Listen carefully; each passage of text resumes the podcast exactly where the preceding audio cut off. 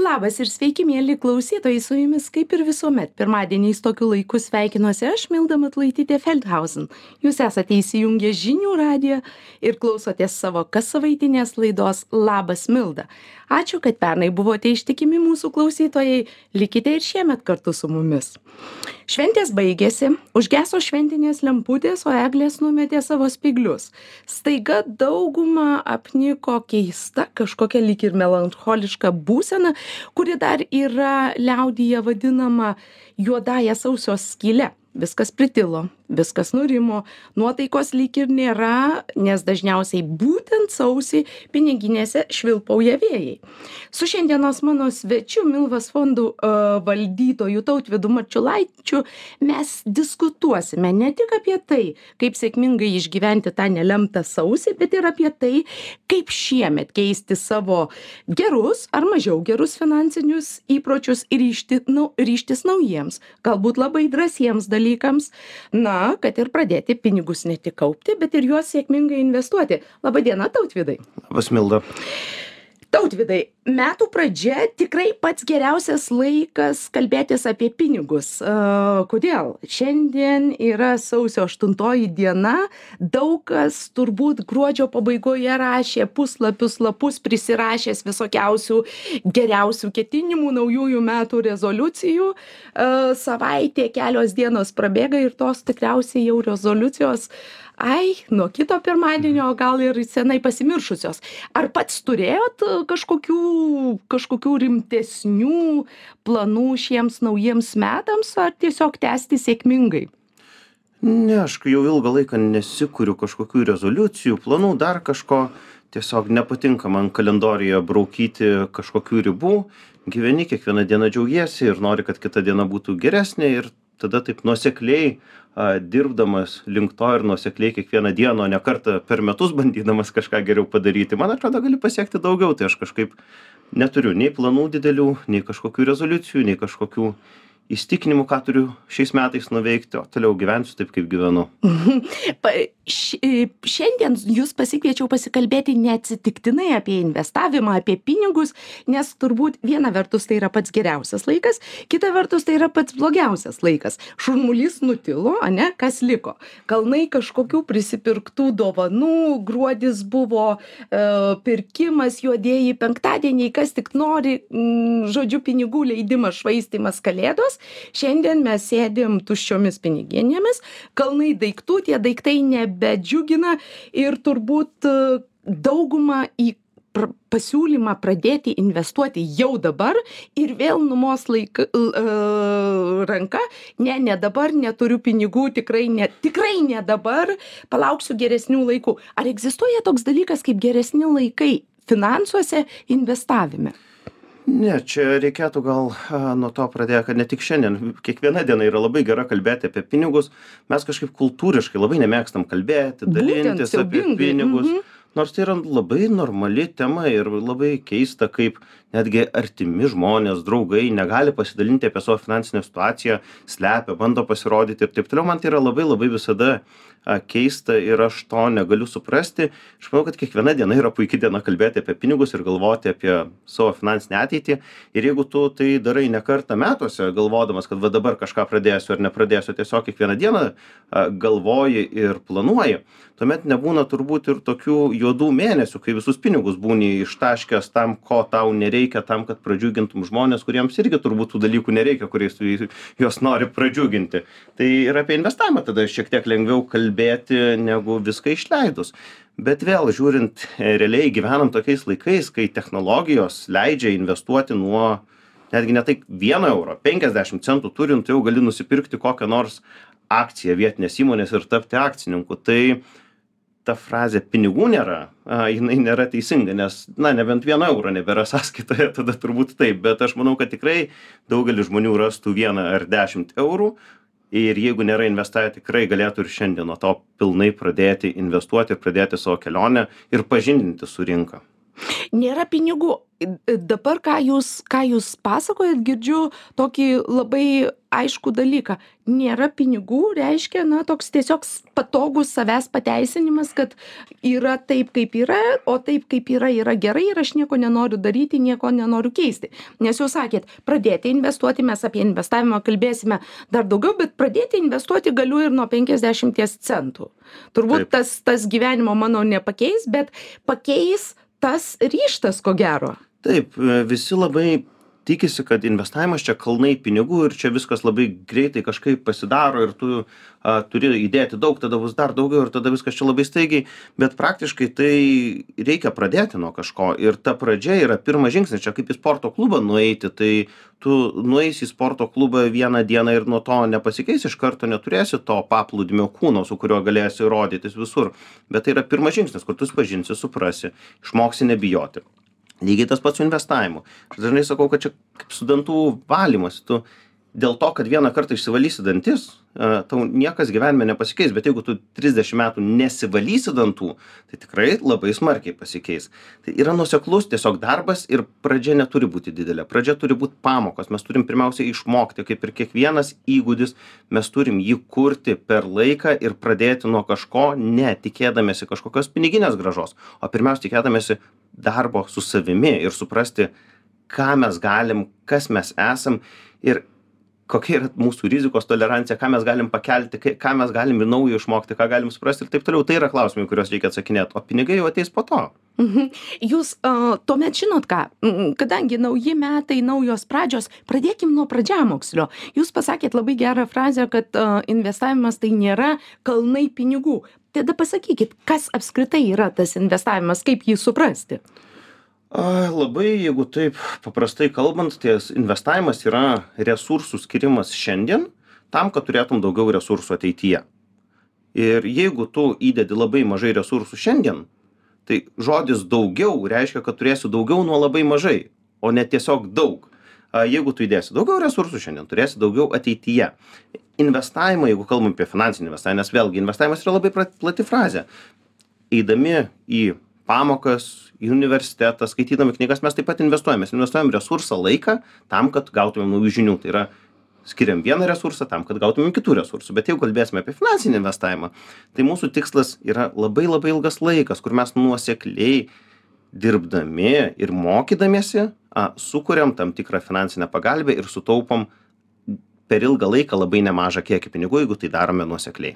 Bet investavimas skamba kartu kaip ir kaip ir darbas o dauguma žmonių nori turėti bet nieko nedaryti.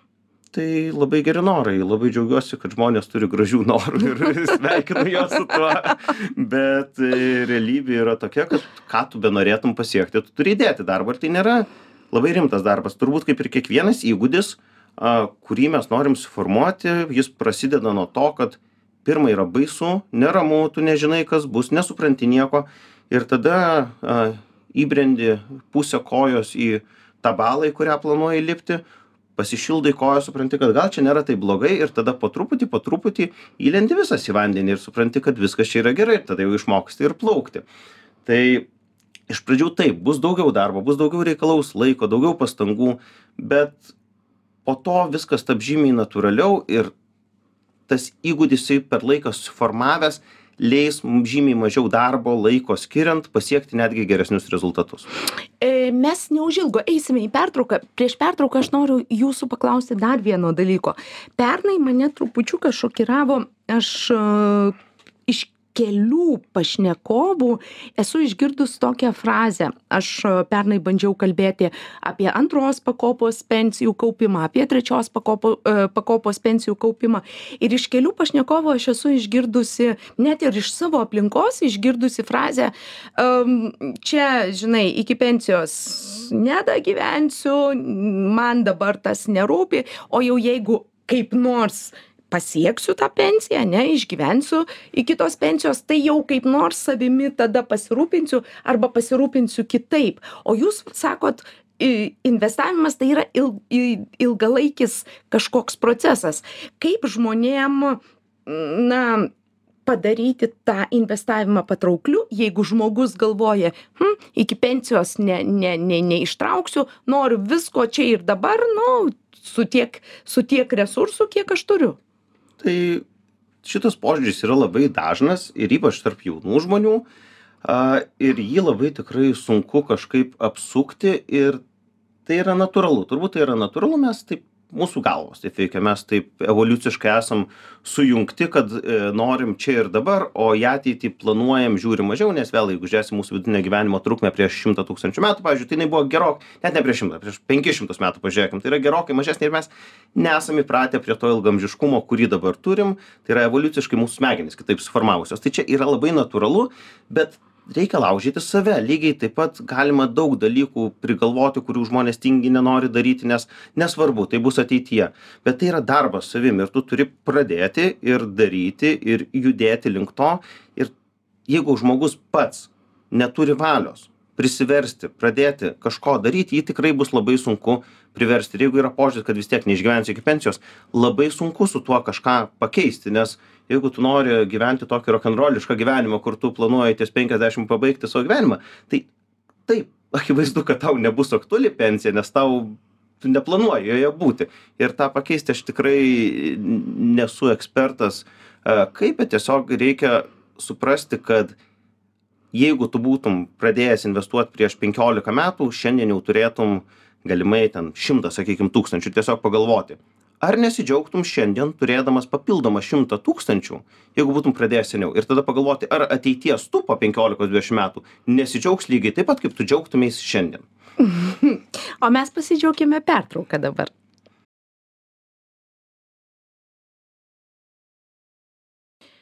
Po pertraukos su tautvydu marčiulaičiu grįžtame į studiją tautvydai įsivaizduokime jūs pradėjote mm, lai laidos pradžioje pasakėte kad galim pradėti investuoti ir nuo penkiasdešim centų. Įsivaizduokim puikus šiandien pirmadienis žmonės kažkur važiuoja automobilyje klauso ir sako gerai žiūrėk aš šiandien pietums išleisiu šiek tiek mažiau e, apskritai gal šią savaitę išleisiu šiek tiek mažiau turiu piniginėje penkiasdešim eurų gerai tiek to. Pabandysiu kaip jūs sakėt puse kojos įbristi į tą vandenį ir žiūrėsiu ir žiūrėsiu kur link srovė mane nuneš. Aš vat sėdžiu dabar prieš save pasidėjęs penkiasdešim eurų. Ką man daryti? Pirmiausia mano rekomendacija būtų tiesiog atsidaryti savo internetinę bankininkystę ir pažiūrėti pavyzdžiui vietinių įmonių akcijų sąrašą. Ir ten pamatysit žinomų vardų. Tai yra nesunku rast tikrai šiais laikais internetinėj bankininkystėj tai yra pakankamai lengva. Ir pamatysit žinomų vardų kurių produkcija naudojatės. Aš nenoriu vardinti kažko konkrečiai bet a manau va ir pabandyti nusipirkti pavyzdžiui akcijų kažkokios įmonės kurią jūs žinot ir pradėti nuo to ne nedaryti gilių analizių nedaryti kažkokių neužsiimti visokiais galvo spontaniškai. Pab ir pažiūrėti kas bus. Neskubėti daugiau investuoti bet tuos pirmus penkiasdešim eurų įdėti ir žiūrėti kas bus su jumis kas darys su jumis. Ar jūs daugiau pradėsit žiūrėt ar mažiau? A ar domėsitės daugiau ta įmone ar kažką daugiau skaitysite? Ir nuo to pradėti savo kelionę. Po to tiesiog skirti vis kiekvieną vakarą pusę valandos ar valandą pagal galimybes tiesiog gulint lovoj vietoj to kad žiūrėti tiktoką ar dar kažką a paskaityti bazinius dalykus apie investavimą. Internete yra labai pilna tiesiog tų pradžiamokslių bet tiesiog pradėti pažindintis ta tema lietu daug lietuvoje yra a tinklaraščių kurie rašo apie investavimą nuo pat bazės nuo labai paprastų dalykų. Pradėti skaityti juos tiesiog pažindintis po truputį ir būtent nuo to pradėti. Tai yra suprast supratimas leidžia a atmesti neracionalias baimes ir čia turėtų būti startas mhm. Ar siūlytumėt ką nors konkretų sekti sakykim so socialiniuose tinkluose rašantį apie apie tas temas? Ar ar ar šiaip bandyti sau prisitaikyti kažką kas tinka ir patinka? Aš manau reikia pereiti per lietuviškus tinklaraščius jų yra kokie penki jeigu aš taip dabar gerai atsimenu iš galvos gal net daugiau jų turbūt yra tiesiog gal aš kai kurių nežinau ir juos visus paskaityti. Tų įrašų ten nėra taip dažnai ir labai daug tai tiesiog pažiūrėti kaip skirtingos kokios perspektyvos ką skirtingi žmonės kalba kaip kalba. Tada kai kyla klausimų iš to ką jie rašo tiesiog paguglinti kodėl jie taip gali rašyti pabandyti pasidomėti. Ir toks natūralis natūralus tada eis a kaip medžio šakos kur tu po truputį po truputį kabinsies į vieną į kitą temą ir pradėsi daugiau domėtis geriau suprasti ir tada bandysi replikuoti tuos žmones natūraliai nes irgi pamatysi jeigu jiem sekasi norėsi o aš irgi taip noriu aš ir šito noriu ir šito ir tada pradėsi bandyti Mhm. Uh, gerai, šiandien įdėjau 50, 50 eurų, po savaitės dviejų žiūriu, kad iš tų 50 eurų lieka 45, na net 48. Muša per, per, per, per nuotaiką ir savo sau dažnas turbūt pasakys, na va, taip ir žinojau, kad čia nieko nebus. Ką siūlytumėte tokiu atveju daryti? A, pagyventi su savim šiek tiek.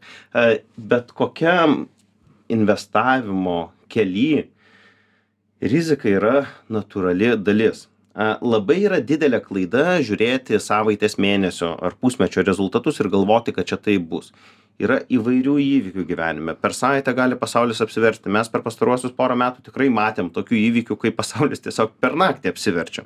A, tai trumpalaikiai rezultatai neturėtų vesti prie ilgalaikių išvadų. Investavimas yra labai labai ilgalaikis procesas. Tai yra dešimtmečių procesas. Pagrindinis investavimo tikslas vidutiniam žmogui yra sukaupti pensijai. Ir ką aš visad labai mėgstu sakyti kad jeigu vidutinis žmogus pradėjęs trisdešimties tiesiog per mėnesį iki pensijos vidutiniškai. Nepradės nuo tokios sumos bet vidutiniškai investuos apie tarp dviejų trijų šimtų eurų jis bus milijonieriumi ties šešiasdešim penkiais metais. Tai reiškias tu gali pradėti nuo penkiasdešim eurų per mėnesį ir didinti tą sumą nuosekliai augant pajamoms arba tiesiog vis geriau jaučiantis investavime.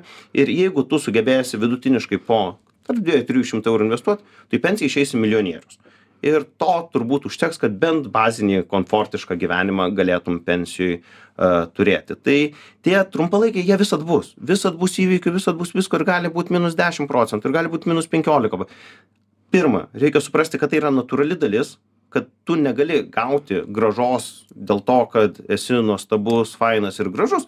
Tu gauni grąžą dėl to kad prisiimi riziką. Tavo tikslas kaip investuotojo yra suprasti kuri rizika tau tinkama ir kurią riziką tu nori prisiimti ir su ja gyventi ateinančius dešim dvidešim metų Mhm. Jūs e, ką tik sakėt, kad e, verta vakarais ne tik tokia grožėtis, grožėtis tru, trumpais filmukais ar dar kažko, o investuoti į save, į savo žinias.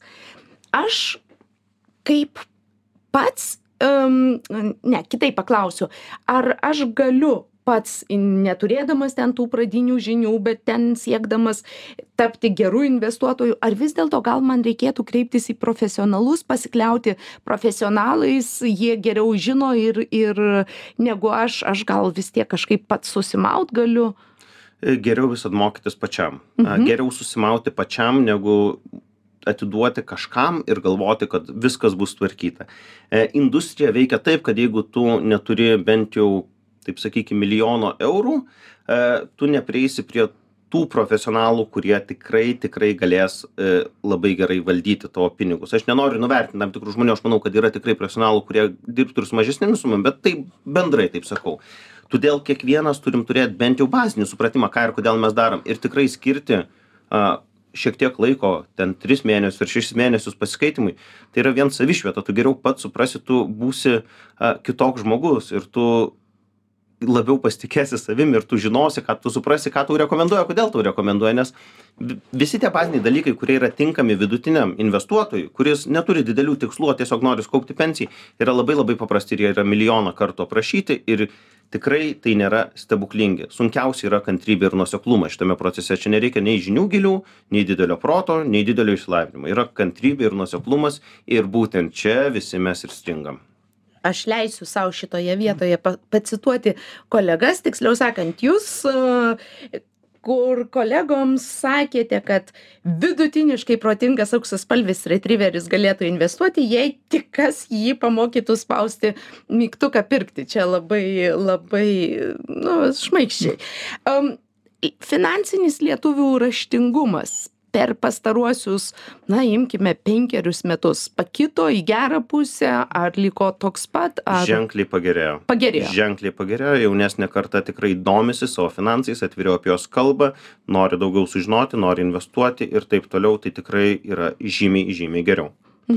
Sakot, atviriau apie, apie juos kalbat, mes kalba, mes laidos pradžioje kaip tik e, nuo to ir pradėjom, kad Lietuvoje finansai, pinigai vis dar yra tabu tema.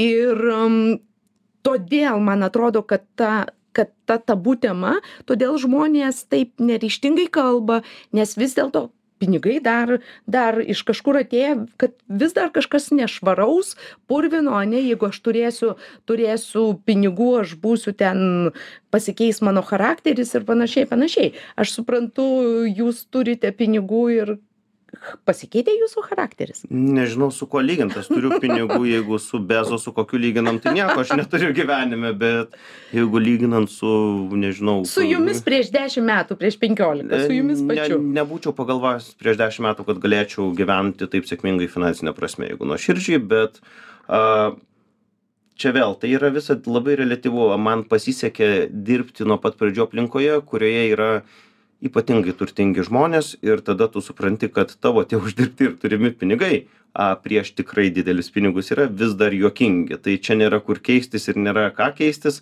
A yra tiesiog tas nuolatinis suvokimas kad labai dar toli iki to kad galėtum sakyti kad turi tikrai pinigų. Bet užtai labai arti iki pertraukos eikime į pertrauką po pertraukos su mano svečiu mildos fondų valdytoju tautvydu marčiulaičiu grįžtame į studiją ir toliau kalbame apie tą mm, puikią bet vis dar tabu temą finansai ir pridedame prie finansų investavimą. Tautvydai jūs a pirmose laidos dalyse kelis kartus paminėjot vat jeigu ten susi su tiek investuoji mm, grąža tokia a tada ir tada jau būsi milijonierius man atrodo kad tai kad mes nekalbame apie pinigus jau vien žodis milijonierius na asocijuojasi su kuo? Daugumai. Su amerika kažkur jie ten milijonieriai ta amerika kažkur ten o tai reiškia kažkur ten nėra realu.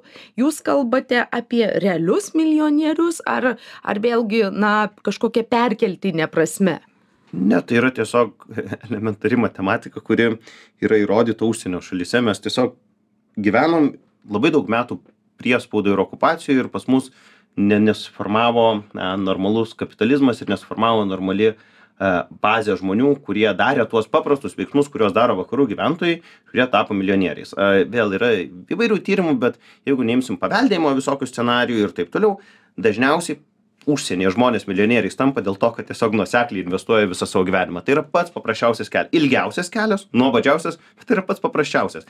Ir mes taip tų pavyzdžių nelabai turim bet jie yra realūs. Jų yra labai labai tūkstančiai tokių pavyzdžių tiesiog už mūsų a šalies ribų bet mes jau dabar gyvenam toje pačioje sistemoje kaip tie žmonės kurie tą patį padarė.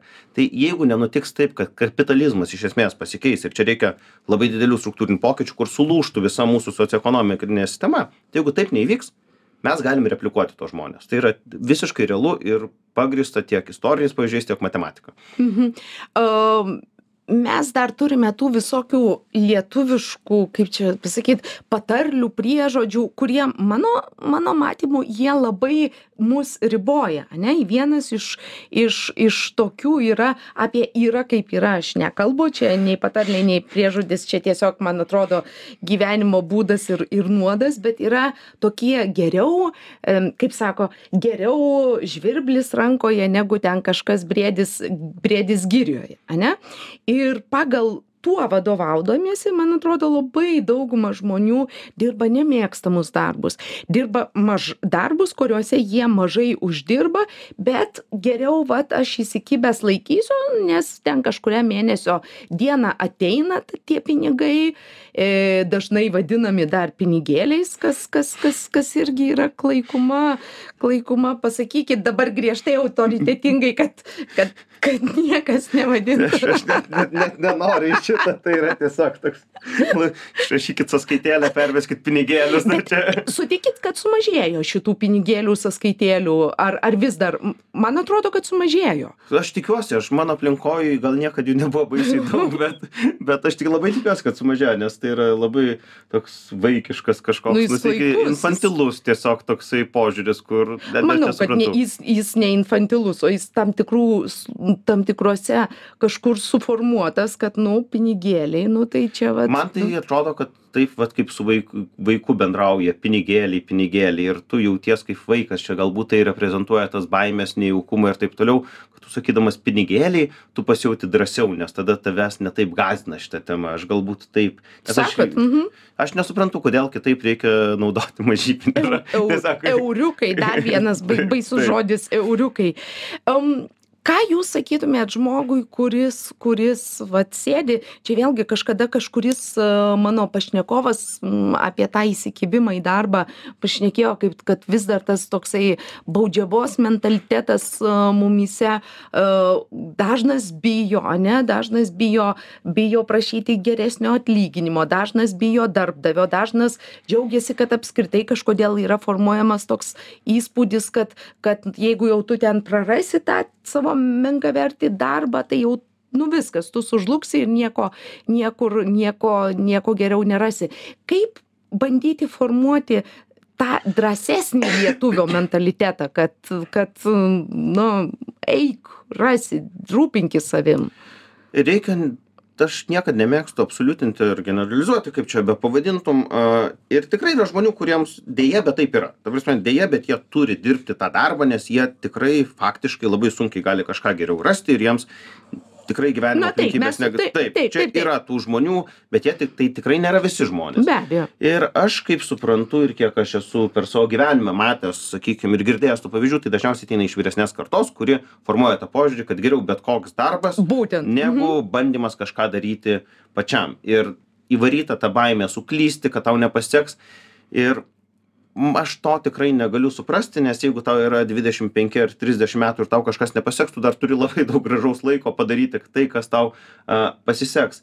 Bet taip, tos drąsos nėra, nes jos aplinkoje nėra. Ir čia gal grįžtam vėl prie to, kad jeigu mes kalbėtumėm su aplinkiniais daugiau apie pinigus, tai yra su savo draugais, ne tik klausytumėm, ką tėvai sako apie tai, kaip gyvenimą reikia, reikia nueiti į universitetą, surasti darbą ir tada dirbti, dirbti, dirbti ir džiaugtis, kad tau sumoka atlyginimą. Jeigu mes su draugais tiesiog dažniau kalbėtum ir kalbėtum apie pinigus, apie pajamas, apie savo siekius, apie finansinius tikslus ir kitus, jie galbūt mus padrasintų, jie paskatintų ir sakytų, tai eik ir padaryk, mes būsim čia, mes tavo draugai, mes tavo aplinka, mes tau padėsim, jeigu bus nelaimė. Kažkaip visi kartu kažką padarysim. Tai yra toksai tinklas, kuris tave pagaus, jeigu tau nepaseks ir kuris tave paglobos bent jau emociškai, jeigu ne finansiškai, jeigu tau nepaseks.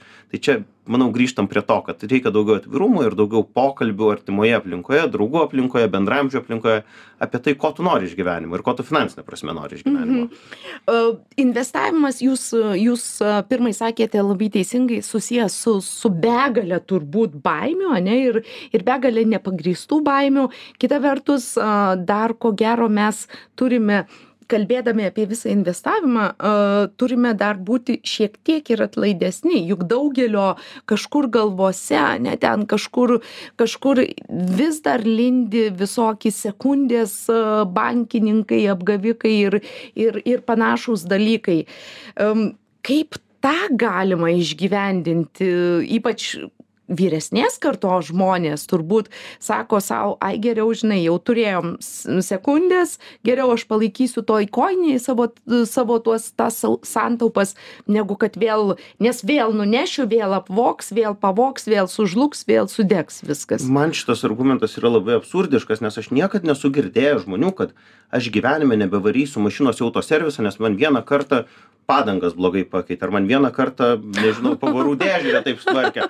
Nors tokių atvejų yra labai labai daug, tai yra žymiai daugiau negu sekundės bankų, bet to ne. Tai aš manau, kad čia slypi visai kitur, čia būtent slypi tose baimėse, kur tu vietoj to, kad tu atvirai pasakytum, aš nežinau ir man reikia išmokti ir paklausti, ar žinai tu, kur aš galiu išmokti apie šitus dalykus, kur yra šaltiniai, kur aš galiu paskaityti, kur aš galiu suprasti geriau. Tai vietoj to tu tiesiog užsidarai ir sakai, ai ne, aš girdėjau tokį pavyzdį, dėl to aš neinvestuosiu. Tai, tai yra toks savyginos mechanizmas, aš O manau. lietuviai noriai mokosi.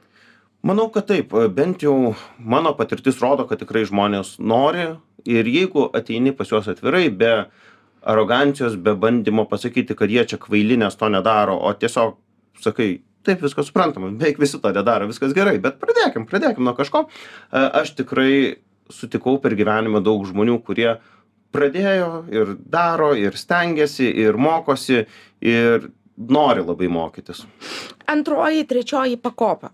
Pernai, kai aš gilinausi į šituos klausimus, aš savo aplinkoje susidūriau su tokiu kaip čia pasakyt mane mane na netgi ne tai kad nustebino bet turbūt ir pašiurpino žmonių požiūris. Viena vertus tai yra tai ką aš jau jums sakiau pradžioj aš iki pensijos neištempsiu neištve ne ne a o jeigu jau ten iki tos pensijos ateisiu pats pasirūpinsiu.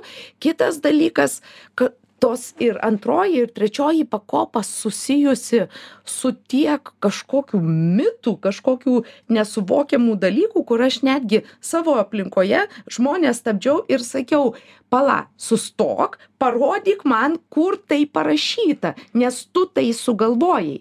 Bet vat tie mitai jie perduodami kaip jūs sakėt susėskit draugai pasišnekėkit apie apie pinigus tai kiti kažkaip man atrodo labai linkę pasišnekėti apie sugalvotus mitus, net, o ne kaip dauginti tuos pinigus amerikietiškų būdu, ne? Ka, kaip su antra, trečia pakopa?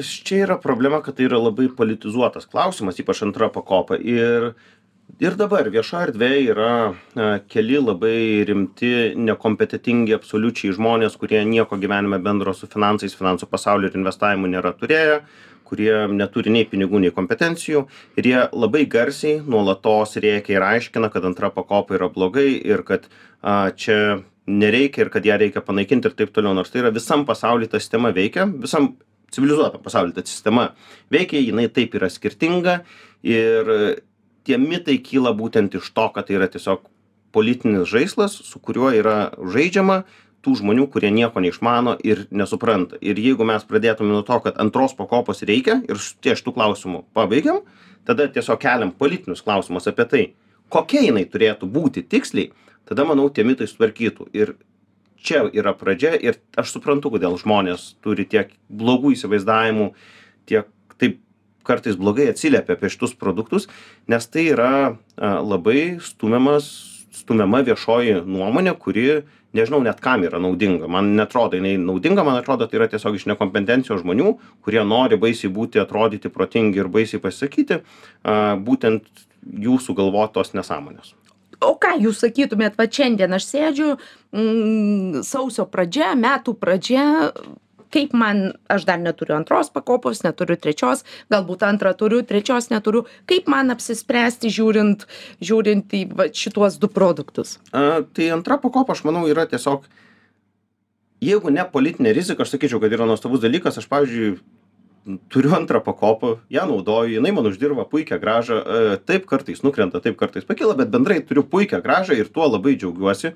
Ir toliau naudosiu šitų produktų kol nesulaužys kažkokie politiniai sprendimai bet aš turiu viltį kad nesulaužys. Aš turiu viltį kad subręsim kaip visuomenė ir suprasim kad šito daikto reikia. Klausimas kaip tiksliai jį sudėlioti. Ir tie klausimai yra labai labai logiški kaip tiksliai ten ką pasukioti kokius parametrus pakeisti kad jinai būtų kuo geresnė. Su tuo aš sutinku bet kad pats dalykas liks aš tikiuosi ir kad aš ten vėl savo skaičiavimų aš ten sukaupsiu bent pusę milijono ir turbūt daugiau link priklausomai nuo to kaip dėliosis pajamos nes vėlgi nuo nuo to nuo nuo ne visų pajamų deja ateina į antrą pakopą tik nuo darbo santykių iš esmės. Tai jeigu gauni dividendų pavyzdžiui daug tada mažiau į antrą pakopą keičias bet nu aš įsivaizduoju kad pusės milijono milijono ir daugiau ribose aš tikrai turėsiu. Ir aš noriu juos turėt aš nenoriu kad iš manęs atimtų kažkoks politinis a sprendimas šitus pinigus. O trečia pakopa labiau yra savanoriškas kaupimas ir tai yra geras sprendimas tiems kas nenori visiškai gilintis bet aš rekomenduočiau pasigilinti ir tu gali susikurti pats identišką dalyką jeigu skiri tam laiko bent jau pusmetį vat vakarais paskaityti aš manau kiekvienas žmogus kuris nuoširdžiai pusę metų pasidomi gali susikurti trečios pakopos alternatyvą kuri bus likvidesnė ir prieinamesnė. Mhm. Aš kai dabar a dar pagrįžkime į į kitą kitą klausimą į į taupymą į į šituos dalykus. Aš kai grįžau į lietuvą man vienas iš didžiausių baubų čia buvo lietuviškas šildymo sezonas. Man man tai buvo turbūt turbūt nei cepelinai nei dangūs nei niekas neprilygsta šitam baubui nes tos visos diskusijos čia jau reikia pradėt čia jau vilnius pradėjo čia jau kaunas pradėjo o ateina ten sausio nu aš aišku dabar jau per pe pe per perlenksiu lazdą bet ateina sausio pabaiga jau visi galvoja kaip tą šildymą išjungti nes jau čia gal gal per karšta. Ir aš aš visada bent jau savo aplinkoj bandydavau kalbėtis kad na eiti susirgus gyvenant drėgnose šaltose patalpose pas gydytojus sirgti galiausiai būti blogos nuomonės tai nėra na tai yra ma man su man tai yra toks baisus tas skurdo mentaliteto dar atributas.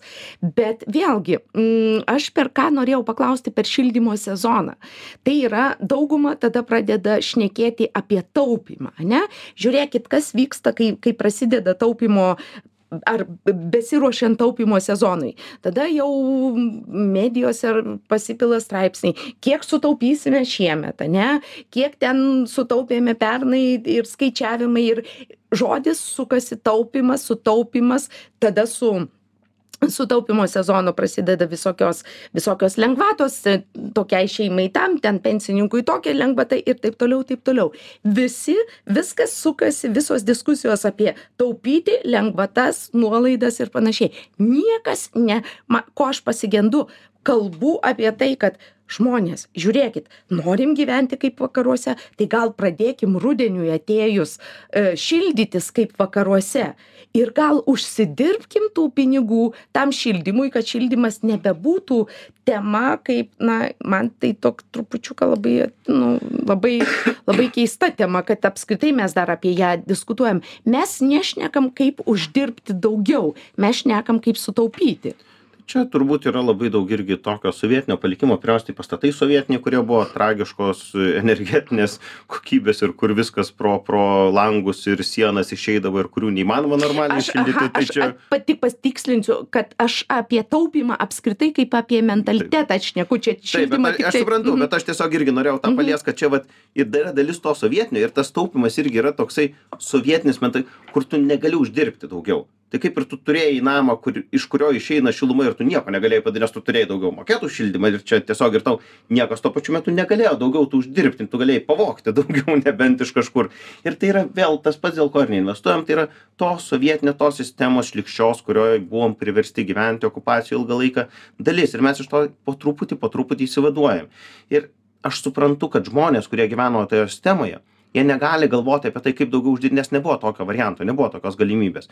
Bet manau kad nepriklausoma karta jinai žymiai dažniau galvoja. Ir vėl aš skelsiu į dvi dalis visuomenę tai ir aš manau kad jaunesni žmonės žymiai dažniau gal galvoja kaip uždirbti kur uždirbti vis daugiau diskusijos apie e, kokią individualią veiklą užsiimti ar galiu iš savo hobio kažkokio papildomai pinigų užsidirbti ir išgyventi ir taip toliau. Ir aš manau kad tai kuriasi. Ir tam tikri procesai jie deja yra labai ilgalaikiai ir jie ateina iš istorinių pro iš istorinės problematikos ir mes jų deja negalim pakeisti o jauni žmonės jie mato pavyzdžius ir vakaruose ir supranta kad yra galimybės ir aš manau kad naudojasi. Tai aš taip nesakyčiau kad yra taip jau blogai ir aš tikrai matau kad bent jau mano amžiaus grupėj ir jaunesnių žmonių tarpe tikrai yra daug noro uždirbti daugiau o ne pirmiausia sutaupyti šildymo sezonui. O ne sutaupyti nu labai puiku. Mes kalbėjome apie pensijas mes tikrai daug daug temų šiandien šiandien palietėme. Jūs po po po keleto mėnesių turėsite ateiti ir mes žiūrėsim su klausytojais kas ką jie išgirdo nes šiandien tiesiog tikrai labai labai apie viską ir daug kalbėjome apie kalbėjome apie pensijas kalbėjom apie vyresnio amžiaus amžiaus žmones aš na sakykim esu pensininkas ane? Ir dabar vat galvoju kažką reiks palik kažką norėčiau palikti vaikams kažkokį palikimą kažkokį galbūt anūkams. Ką man dabar vat pas patartumėte daryti? Nes na vėlgi tie tie mūsų dar supratimas apie palikim pa palikimą jis dar irgi išdraskytas tos sovietinės baisios pat pa patirties ir istorijos. Ką man kaip kaip man pasirūpinti savo vaikų savo savo anūkų pali palikimu ateitimi? Tai jau turbūt čia labai daug variantų nėra kai jau reikia jau galvoti jau pas e, ateinant esant tiksliau jau pensijoje tai turbūt e, tuo na metu įsivaizduokim kad aš turiu pinigų perku vaikams butą ar perku auksą ar perku dar kažką. Pirmiausia vaikams nepirkti reikia pas vaikus nuvažiuoti ir jeigu turi pinigų paaiškinti kaip tų pinigų tu užsidirbai ir papasakoti ką jie turėtų daryti kad užsidirbtų tų pinigų. Ir tiesiog skirti laiko anūkams ir vaikams ir dovanoti jiems tas dovanas kurios praturtins jų gyvenimą ir praturtins prisiminimus apie jus o ne tiesiog finansinės bus ir nereikia kaupti visų tų pinigų tik tam, kad palikimą paliktum. Jeigu e, tavo vaikai nori ištęsti tik palikimo, yra labai liūdnas ir blogas gyvenimas turbūt nugyventas ir labai daug neteisingų pasirinkimų padaryta. Ir normaliu atveju vaikai neturėtų laukti palikimo kažkokio, kurį galėtų kažkur išleisti, nes tada akivaizdu, kad vaikai nieko nesuprato apie finansus, nieko ir dabar nesupranta apie finansus, nes jie nori gauti, jie nenori uždirbti tai jeigu jūs jau sugebėjot uždirbt ir sugebėjot sutaupyti tai pirmiausia dar kol turit laiko eikit ir pasakokit apie tai kad reikia uždirbti ir kaip reikia uždirbti ir kaip reikia dėlioti gyvenimą tam kad tu neturėtum laukti iš dangaus manos krentančios kuri išgelbės tave nuo kažkokių skolų ir kvailų sprendimų. O pinigai jau po to pinigai yra tik skaičiukai ekrane ir nereikia į juos taip fokusuotis yra gyvenime daug smagesnių ir malonesnių dalykų pinigai turi būti tik produktas to ką tu darai ir leisti džiaugtis visais malonumais kuriuos gyvenimas teikia. Tautvydai deja mes turime baigti jau laidą. Labai trumpai ko at ko šiais dvidešim ketvirtaisiais metais finansiškai lietuviams palinkėtumėt aš viso to paties linkiu kaip kaip jėzuitas buvęs aš visiems linkiu ramybės nusiraminkit viskas bus gerai po truputį nuosekliai a dirbkit stenkitės džiaugtis gyvenimu nepergyvenkit ir viskas bus gerai. Ačiū tautvydai, kad šiandien atėjote. Ačiū jums, mėly klausytojai, kad šiemet ir vėl esate su mumis tikimės kad liksite ir visus dvidešim ketvirtuosius metus su mumis. Šiandien jums kalbėjo tautvydas marčiulaitis ir aš milda matulaitytė feldhausen. Ate ir iki